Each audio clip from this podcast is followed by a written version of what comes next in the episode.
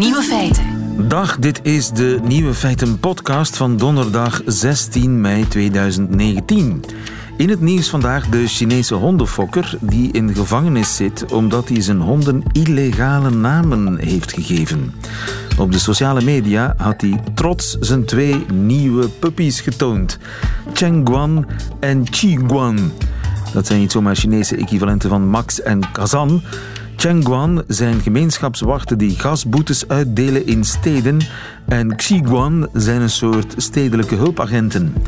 De politie zit ook op de sociale media en stelde onmiddellijk een onderzoek in wegens smaad aan de politie. Volgens een woordvoerder heeft de hondenkweker grote schade toegebracht aan de natie. De man pleitte onweerstaanbare grapdwang, maar dat mocht niet baten. Hij werd veroordeeld tot tien dagen gevangenis. Als ik ooit twee honden neem, noem ik ze toch gewoon Flik en Smeris. De andere nieuwe feiten vandaag. Trump verbiedt Huawei. Meditatie heeft ook duistere kanten. Aankopen op eBay zijn cancelbaar als de verkoper professioneel is. En iemand beweert het onontcijferbare Voynich-manuscript toch te kunnen ontcijferen. De nieuwe feiten van Otto Jan Ham hoort u in zijn middagjournaal. Veel plezier. Radio 1.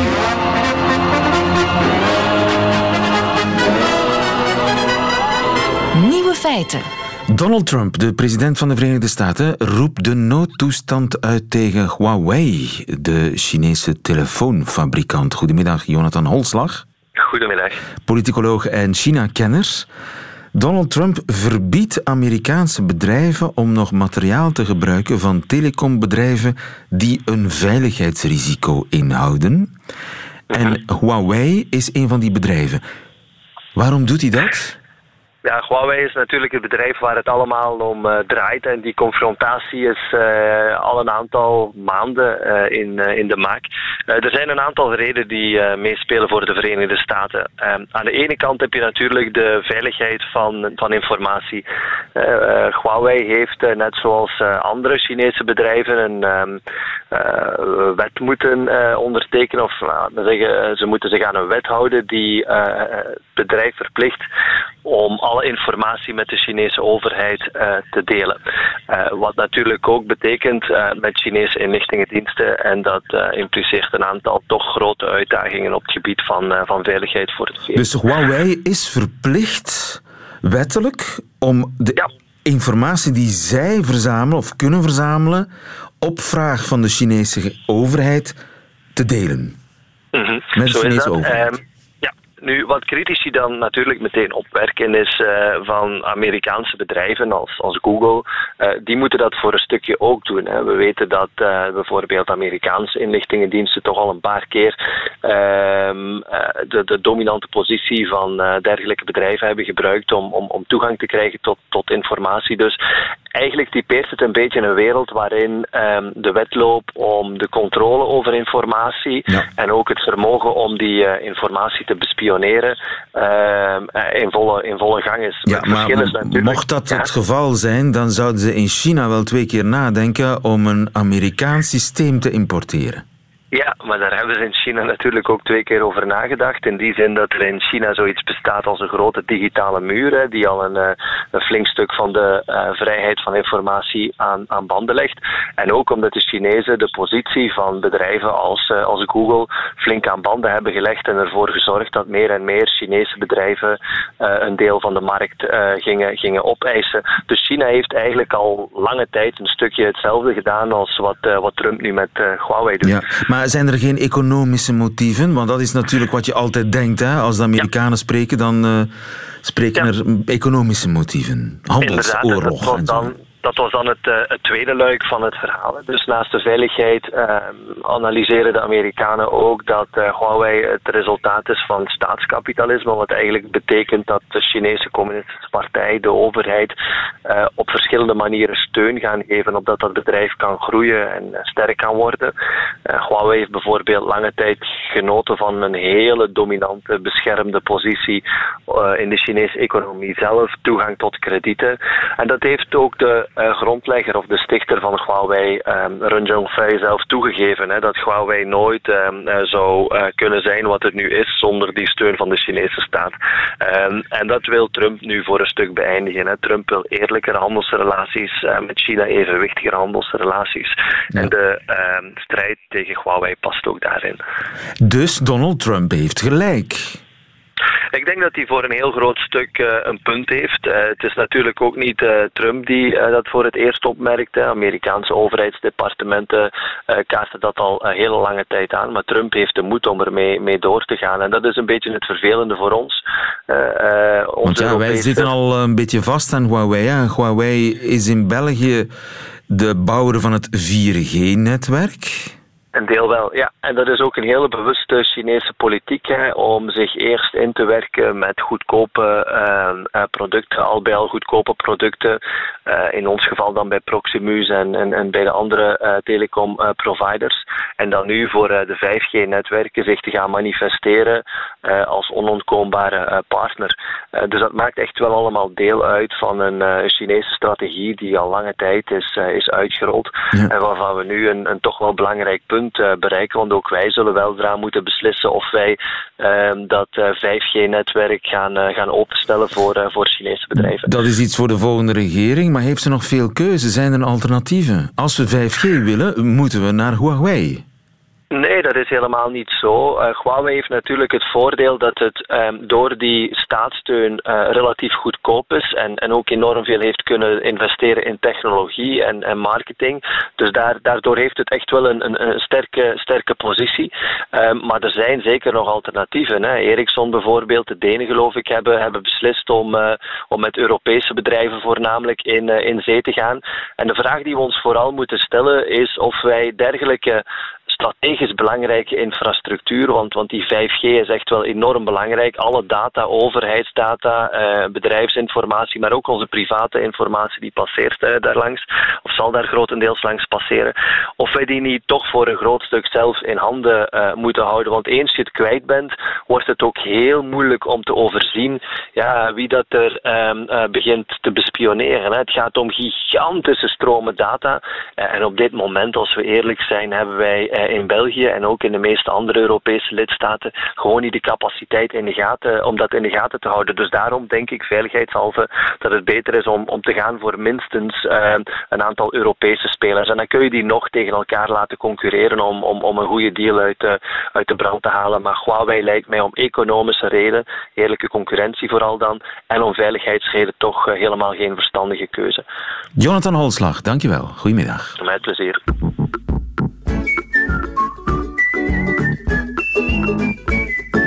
Feiten. Mediteert u soms en heeft u daar heel veel deugd van? Ik geloof u. Maar nu is er een onderzoek waaruit blijkt dat er toch een duistere kant zit aan meditatie. Ernst Koster, goedemiddag. Goedemiddag. U bent klinisch psycholoog aan de Universiteit van Gent, gespecialiseerd in uh, angststoornissen en depressie. Uh, hoe ging dat onderzoek? Ja, dus wat die uh, onderzoekers hebben gedaan, en dat is eigenlijk wel heel terecht, is uh, iedereen is heel lovend over meditatie uh, en alle positieve effecten. En zij hebben eigenlijk gezegd van, ja, we moeten toch ook zeker eens kijken naar de negatieve effecten. En hoe hebben ze dat gemeten? Ja, en daar komt een beetje de crux van dat artikel. ze hebben daar eigenlijk een vrij kort onderzoekje rond gedaan. En ze hebben eigenlijk een bevraging gedaan van heeft u ooit tijdens meditatie uh, specifieke negatieve ervaringen gehad? Zoals angstig worden, uh, allee, zeer negatieve stemming krijgen, uh, het gevoel dat je wat van jezelf ja, weggaat of dissocieert. Een soort bad trip. Ja, zoiets.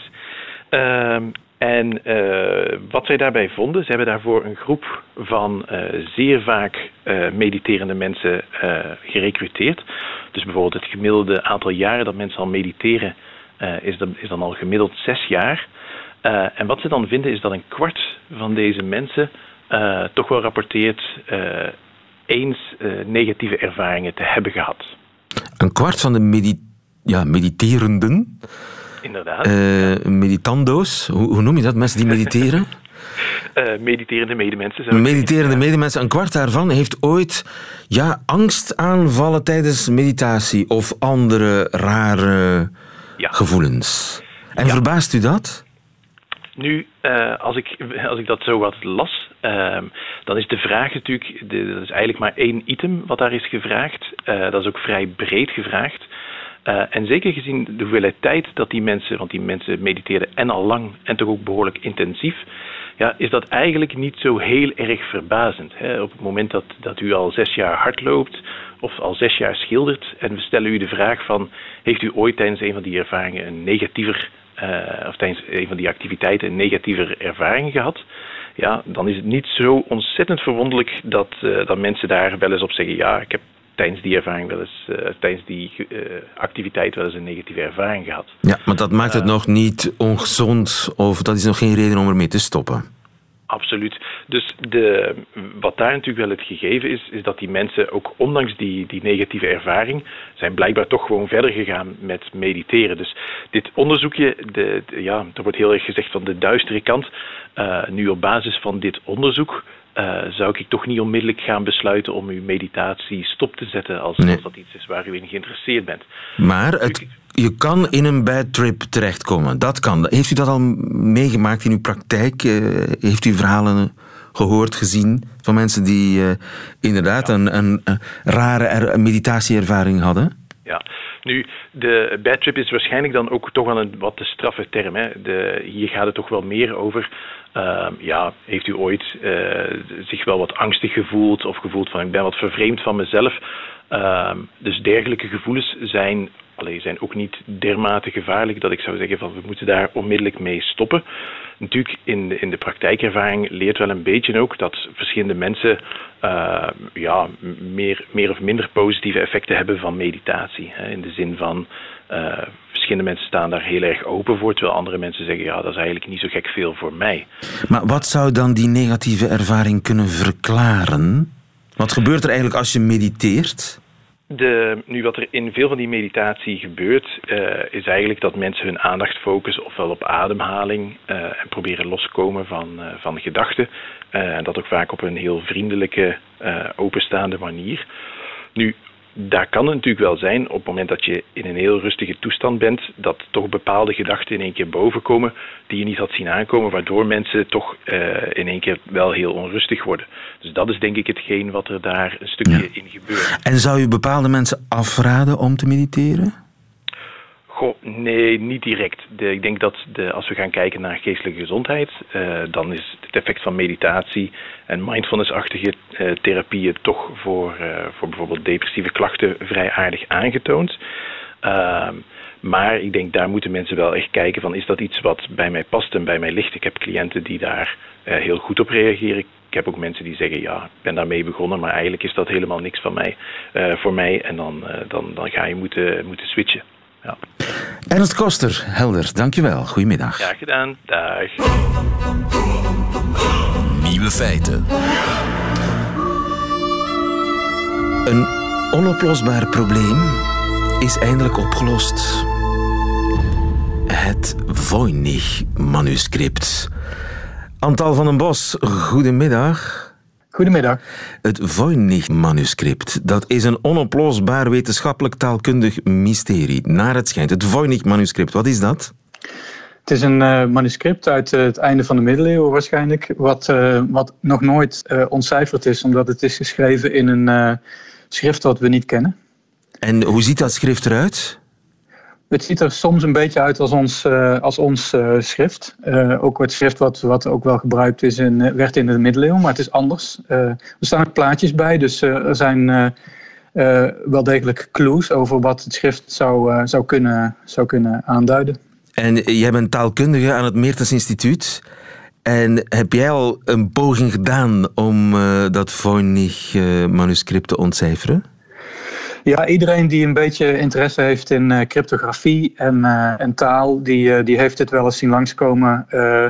en het, zijn, het, is vaak een, het is vaak een uitdaging om het eens te proberen. Het is een beetje een, een, een oefening. Dus je hebt het ook geprobeerd? Ja, ja het is, uh, ik, ik strand vrij snel, uh, waar, waar, waar, de meeste mensen vrij snel uh, zijn gestrand. je komt er niet snel uit, omdat je ook niet weet wat het zou moeten zijn. Hè? Dus het is echt raden en uit het niets proberen um, een, een complete verklaring te geven van wat, wat betekenen de letters, wat betekenen de woorden, in welke taal is het. Dat weten we allemaal niet. Dat is toch ja, prikkelend en fascinerend en vervelend tegelijkertijd. Een manuscript uit de middeleeuwen in een taal die niemand zelfs herkent. Ja, precies. En lijkt het ergens op? Grieks of zo? Nou, of, uh... Nee, dat, dat kun je niet zeggen als je, als je om te beginnen al niet de letters uh, uh, herkent. Hè? Dus het alfabet en, is zelfs helemaal vreemd? Het alfabet is vreemd. Dus, dus ja, het, het, er zijn mensen die denken dat het iets te maken heeft met, het, met Romaanse talen. het lijkt ook wel uit die regio te komen. Um, uh, en Hebreeuws is ook al wel eens genoemd, maar nee, het is allemaal raadwerk op ja. dit moment. En dat gaat al decennia door, dat raadwerk, dat gissen. Ja, precies. En nu is er iemand die heel luid getoeterd heeft. Ik heb er eens twee uur naar gekeken en ik weet het. Ja, dat, is, dat is een recent artikel, maar je moet dat zien in een, in een lange reeks van, van pogingen. Um, dit, dit, deze poging is denk ik ook weer niet meer dan dat. Um, hij identificeert een aantal letters, denkt, denkt dat te, te, doen. Um, geeft er ook geen evidentie voor hoe die daarachter is gekomen. En gaat dan op zoek naar clues, vertaalt enkele woorden of frasen die, die bij plaatjes staan. linkt dat dan aan wat je in zo'n plaatje ziet. Um, en linkt dat ook aan een bestaand woord in een Romaanse taal. Dus bijvoorbeeld Frans of Portugees of, of uh, Galicisch. En tot welke nou conclusie komt hij? Nou, zijn conclusie is dat het klaar is. Uh, althans, dat maar welke taal is het? Uh, Proto-Romaans, zegt hij. En dat is, um, dat is een aanname die, die gevaarlijk is. Want we weten eigenlijk niet hoe het Proto-Romaans eruit zag. Het is ook, Wat is het Proto-Romaans? Het is eigenlijk de taal die, die men veronderstelt uh, die voor uh, de huidige Romaanse talen uh, bestond. Oh, ja. waar, waar ze eigenlijk een soort primitief uit... Frans, een primitief, een pre-Italiaans. Ja, precies. En het is, het is wat, het is wat moeilijk te voor, voor te stellen dat er aan het eind van de middeleeuwen nog proto-Romaans werd gesproken ergens. Maar ja, het is ook niet helemaal onmogelijk uh, dat, er een, dat er een variant van het Romaans werd uh, gesproken. Dat, maar het is een taal, proto-Romaans, dat een taal die ooit gesproken werd.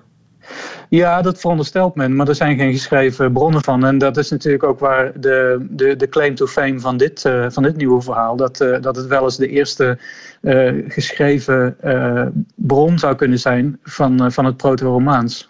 Als het klopt, dan is het een wetenschappelijk taalkundige bom. Ja, maar, maar het hangt dus aan, aan elkaar van, uh, van hele discutabele aannames. Hè. Dus is uh, niet één, maar, maar, maar er worden rustig tien aannames gemaakt over. Ja. Uh, die, die, allemaal, die allemaal discutabel zijn. En, Want het zou de eerste zomaar... keer zijn dat er een geschreven bron opduikt van een taal die een overgangstaal was tussen het Latijn en het moderne Frans, Italiaans, Spaans. Ja, exact. En dat zou, dat zou fantastisch zijn. Uh, dat zou voor het Proto-Germaans bijvoorbeeld ook heel interessant zijn. Maar dat, dit, dat zijn talen die, die, zich, uh, die, die we alleen maar veronderstellen. En uh, waar we alleen maar naar kunnen raden. Ja, en dan zouden we ook eindelijk weten waar dat Voynich-manuscript over gaat. Maar dat zou wel eens een nou, hele teleurstelling kunnen zijn. het, het, het, het, manuscript staat vol met plaatjes en die, die, uh, daar kun je allerlei gedachten bij hebben waar die plaatjes over gaan. En, uh, en daar kun je ook je, je, je hypotheses naartoe en, schrijven. En, en geef eens één plaatje, welk plaatje bijvoorbeeld is je bijgebleven? Nou, er wordt vrij veel uh, gebaat in dit, uh, in dit boek door mannen en vrouwen in, uh, in bijvoorbeeld spa's, hete bronnen baden of, of gewoon. er wordt heel veel aandacht besteed aan persoonlijke hygiëne en, en ja, kruidenmedicijnen. dus ja, eigenlijk persoonlijke verzorging en, en gezondheid. En ja. Dat, daar, heb je niet, daar heb je niet kennis van de taal voor nodig. Dat die, de, Een ja. soort flair-jaarboek voor middeleeuwse vrouwen. Het, het, lijkt ook een, het lijkt een beetje geschreven te zijn voor, uh, voor vrouwen, voor, voor een vrouwelijk uh, lezerspubliek. Wellicht is het ook uh, geschreven en getekend door, door een vrouw of vrouwen. Dat, dat zijn veronderstellingen die, die heel veel mensen al hebben gemaakt. En dat maakt het in principe ook heel interessant hoor. Ja. Maar dus, de race is, is nog niet gereden. De mensen die nu beweren dat het proto-Romaans is, die, ja, die zijn nogal Voortvarend. Dankjewel. Het Voynich manuscript. Ik hoop dat we het uh, ooit kunnen lezen. Dankjewel. Antal van den Bos. Goedemiddag. Graag gedaan.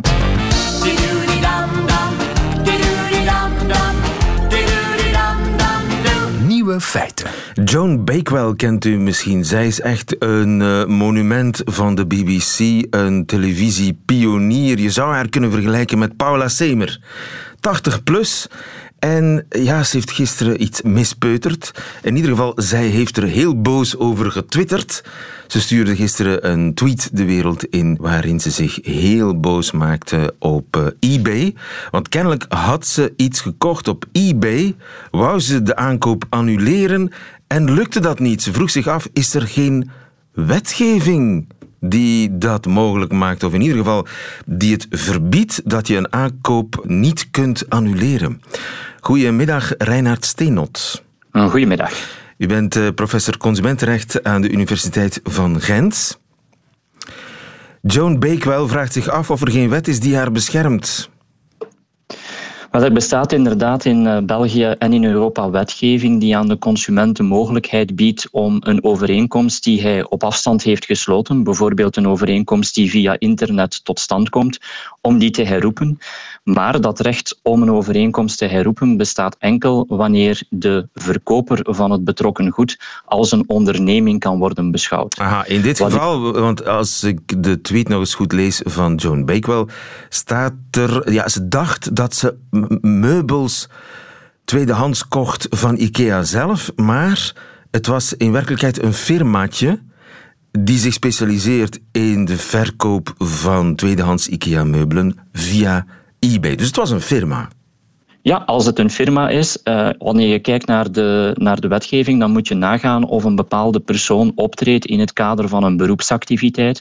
En wanneer het om een firma gaat die met een zekere regelmaat en vanuit een zekere organisatie gaat overgaan tot de verkoop van tweedehandsgoederen, dan moet die beschouwd worden als een onderneming. En dan zal je als consument ook bij een verkoop via eBay over een herroepingsrecht beschikken. En moet je dan via eBay gaan of moet je rechtstreeks die, dat firmaatje benaderen?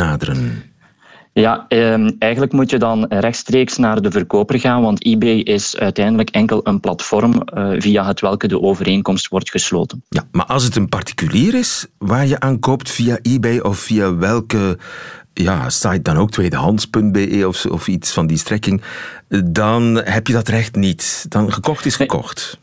Verkocht is verkocht en verbindenis en strekkende partijen Ehm, tot wet, zoals dat heet. En dan zal je dus niet de mogelijkheid hebben om die overeenkomst te herroepen, tenzij wanneer je natuurlijk anders zou hebben afgesproken met de betrokken verkoper. Ja. Maar stel nu dat die firma uh, doof blijft voor de bedes van Joan Bakewell, die tweedehands Willy of, of Billy of wat voor kast dan ook van IKEA komt bij Joan Bakewell aan, dan mag ze dat gewoon terugsturen. Ja, zij mag dat gewoon terugsturen. Uh, als zij nog niet betaald heeft, hoeft zij dan niet te betalen. Heeft ze wel al betaald, dan zal zij moeten proberen om haar uh, centen terug te krijgen. Maar, maar zij heeft in ieder geval recht op een terugbetaling. Ja, maar de verantwoordelijkheid van eBay in deze is nul. Ja, die is inderdaad beperkt. Um, in de toekomst gaat uh, de regelgeving wel worden aangepast. Men is op Europees niveau uh, bezig met een nieuwe richtlijn, waarbij er uh, bij de verkoop op online marktplaatsen uitdrukkelijk zal moeten worden vermeld of de betrokken verkoper optreedt als een particulier dan wel als een professionele onderneming. Dit onder andere omwille van het feit dat de rechten die je hebt als koper-consument geheel verschillen wanneer dat je iets aankoopt van een professioneel dan wel van een particulier. Maar dat is natuurlijk nog uh, toekomstmuziek. Goed, maar nu hebben we het eigenlijk over verkopen op afstand, online eigenlijk. Uh, ja, dat klopt. In een winkel heb ik dan altijd het recht om spullen die ik in een vlaag van zinsverbijstering gekocht heb terug te brengen? Nee, dat hebt u niet. Eh, de Belgische en de Europese wetgever hebben het herroepingsrecht eigenlijk voorbehouden voor twee uh, bijzondere hypothesen. Dat is één, de situatie waarin de overeenkomst op afstand wordt gesloten, zoals dus bijvoorbeeld via het internet. Een tweede hypothese waarin men een overeenkomst zou afsluiten buiten de verkoopruimte van de onderneming. En dat is bijvoorbeeld het geval wanneer u een overeenkomst bij u thuis zou gaan sluiten. Ja. Wanneer je dus de overeenkomst. Wel, dat heeft eigenlijk te maken, um, enerzijds bij overeenkomsten op afstand, vooral met het feit dat u het goed niet hebt kunnen bekijken op het ogenblik dat u tot de aankoop overgaat. Vandaar dat het herroepingsrecht waarover je bij overeenkomsten op afstand beschikt ook maar begint te lopen vanaf het ogenblik van de levering van het goed. Ja. Dat is het moment waarop die informatieasymmetrie verdwijnt. Juist, je krijgt het plotseling in handen en zeg je, maar dit is niet wat ik uh, in gekocht had in mijn hoofd. Ja, inderdaad. Denk bijvoorbeeld aan een televisie die je aankoopt eh, in een winkel. Dan heb je de mogelijkheid om bijvoorbeeld de beeldkwaliteit te gaan beoordelen. Terwijl wanneer je dat goed gaat aankopen via internet, heb je die mogelijkheid niet. En het is pas wanneer die mogelijkheid ontstaat dat je dan kan beslissen om je herroepingsrecht uit te oefenen. En een andere uitzondering was bij verkoop aan de deur of op straat. Ja, inderdaad. Um, daar kan de ratio dezelfde zijn, maar er is een bijkomend element. Men gaat er eigenlijk van uit dat wanneer consumenten um, op straat bijvoorbeeld worden aangesproken of onaangekondigd worden bezocht, dat zij dan uh, het slachtoffer kunnen worden van overrompeling. Ja, ja, ja. Uh, overrompeling die dan met zich meebrengt dat men zich op een irrationele manier gaat gaan gedragen. En onderzoek heeft uitgewezen dat dat uh, element van irrationeel gedrag, dat dat eigenlijk ook aanwezig is wanneer een consument in een thuisomgeving een overeenkomst sluit, ook al heeft hij de ondernemer vooraf uitgenodigd om langs te komen. Ja, ja, ja. Vandaar dat het herroepingsrecht bij elke overeenkomst bij de consument thuis zal bestaan. En in alle andere gevallen is uh, gekocht gekocht, behalve als de winkelier zo lief is uh, om uw aankoop te annuleren. Ja, zo is dat. Hè. Dus de winkelier kan u uiteraard, en er zijn heel wat winkels die dat doen, uh, aangeven dat u de mogelijkheid hebt om bijvoorbeeld het aangekochte goed binnen een bepaalde termijn te ruilen. Uh, dat, dat, is, is goodwill. Uh, dat is goodwill van de onderneming. Hij is daar niet wettelijk toe verplicht. Dankjewel, Reinhard Steenhout. Goedemiddag. Graag gedaan. Nieuwe feiten. Middagjournaal. Beste luisteraar. Ik kreeg een heel aardige mail van Justine van Walibi of ik met mijn gezin op zaterdag 25 mei aanwezig wou zijn bij de opening van een nieuwe attractie. Omdat wij op zaterdag 25 mei al een groot feest met de familie Ham op het programma hadden staan, moest ik deze kelk aan mij voorbij laten gaan. Op een eerdere uitnodiging was ik wel ingegaan. Dat was een jaar geleden voor de opening van de Tiki Waka Ride, een rollercoaster voor jong en oud gelegen in Exotic World. Ik verkeerde een jaar geleden na een druk televisieseizoen in de veronderstelling dat ik een slechte vader was en ter compensatie had ik tegen mijn vriendin gezegd dat zij een dagje vrij kreeg terwijl ik met mijn dochters plezier zou beleven. Ik had zelfs twee nichtjes meegenomen. Andermaal een gruwelijk geval van zelfoverschatting. Bij binnenkomst in het park kregen we een plastic bloemenkrans en een felgroene badge omgehangen. Zo kon iedereen zien dat we VIP-gasten waren. Er waren erg veel VIP-gasten en ik kende er niemand van behalve Flip Kaulier. Als het van de voorniet is, dan is Flip Kaulier er graag bij. De plechtige opening bestond uit een vrij lange speech van de directeur van het park en er waren een hoop zwarte figuranten die in een rieten rok en blote bast op een djembe trommelden. Met een beetje slechte wil zou je daar aanstootgevende stereotypes in zien, maar er is natuurlijk niemand die slechte wil meeneemt naar een pretpark. Daarna was het aanschuiven geblazen om een ritje te maken in de achtbaan, het was een hele onderneming, maar ik zou eerst gaan samen met mijn oudste dochter en mijn jongste nichtje, terwijl de andere twee zouden wachten in de Waalse menigte. Het was allemaal erg onverantwoord. Een medewerker van het park vroeg mij halverwege de rij of hij met mij op de foto mocht. Dat had ik niet voelen aankomen. Maar voor het naar mijn hoofd kon stijgen, zei de jongen dat hij ook gewoon in Halle woonde. Toch was dit moment niet onopgemerkt gebleven. Een man in maatpak met daarover een bloemenkrans tikte me op mijn schouder. U bent een bekende persoon? vroeg hij in komisch Nederlands. Reken maar, zei ik. Een uitspraak waar ik zowel hem als mezelf mee verbaasde. Hij stelde zichzelf voor als Jean-Benoît nog iets, ik ben zijn naam vergeten, Waals minister van Toerisme. Hij wou ook een selfie, maar het leek hem verstandig om dat te doen nadat we de attractie hadden overleefd. We lachten allebei hardop en ongemakkelijk, en iets te lang. Hij stelde ook voor om mee te rijden in ons karretje, want ik had geen rekening gehouden met het feit dat je per kind jonger dan 12 een volwassen begeleider nodig had. Ik zei het al, het was erg onverantwoord allemaal. Van mijn dochter wist ik dat ze geen angst kent. Ze lijkt, buiten haar guitige lach en prachtige blauwe ogen, in niets op mij. Of mijn nichtje Cecilia goed zou reageren op de achtbaan, daar had ik van tevoren niet over nagedacht. Terwijl het bakje via een takel langzaam naar boven werd getrokken, zag ik haar bleek wegtrekken. Ze zei ineens niets meer. De Waalse minister voor Toerisme voelde de bui al hangen. Toen de kar aan een rotfight naar beneden donderde, ging het goed fout en zette Cecilia het op een krijsen. Niet dat harde, drammerige huilen dat kinderen wel vaker doen, op vliegtuigen of zo. Nee, echt hysterisch krijsen, alsof de duivel je te lijf gaat. De minister van Toerisme van Wallonië had in zijn functie vast al vaker voor hete vuren gestaan, maar op dit was hij niet voorbereid. Hij probeerde in hetzelfde komisch Nederlands wat te sussen, maar dat maakte geen indruk. Ik hing achterstevoren en probeerde het kind tot bedaren te schreeuwen, terwijl de attractie tegen, ik schat 200 km per uur verder raasde. Haar oogbollen draaiden nu echt weg. Hoe moest ik straks aan mijn zus vertellen dat haar dochter de Tiki Waka Ride niet had overleefd? Van op de grond bekeken moet het een vrij zicht geweest zijn. Na een rit die 14 uur leek te hebben geduurd, kwam ons bakje tot stilstand. Cecilia, de minister en ik waren kapot. En mijn dochter wou nog eens. Ik was kotsmisselijk en dat zou de rest van de dag zo blijven. Achterstevoren op een rollercoaster, dat is nooit een goed idee. Uit beleefdheid vroeg de minister alsnog de selfie. Maar eigenlijk was ook hij ondertussen helemaal klaar met Walibi.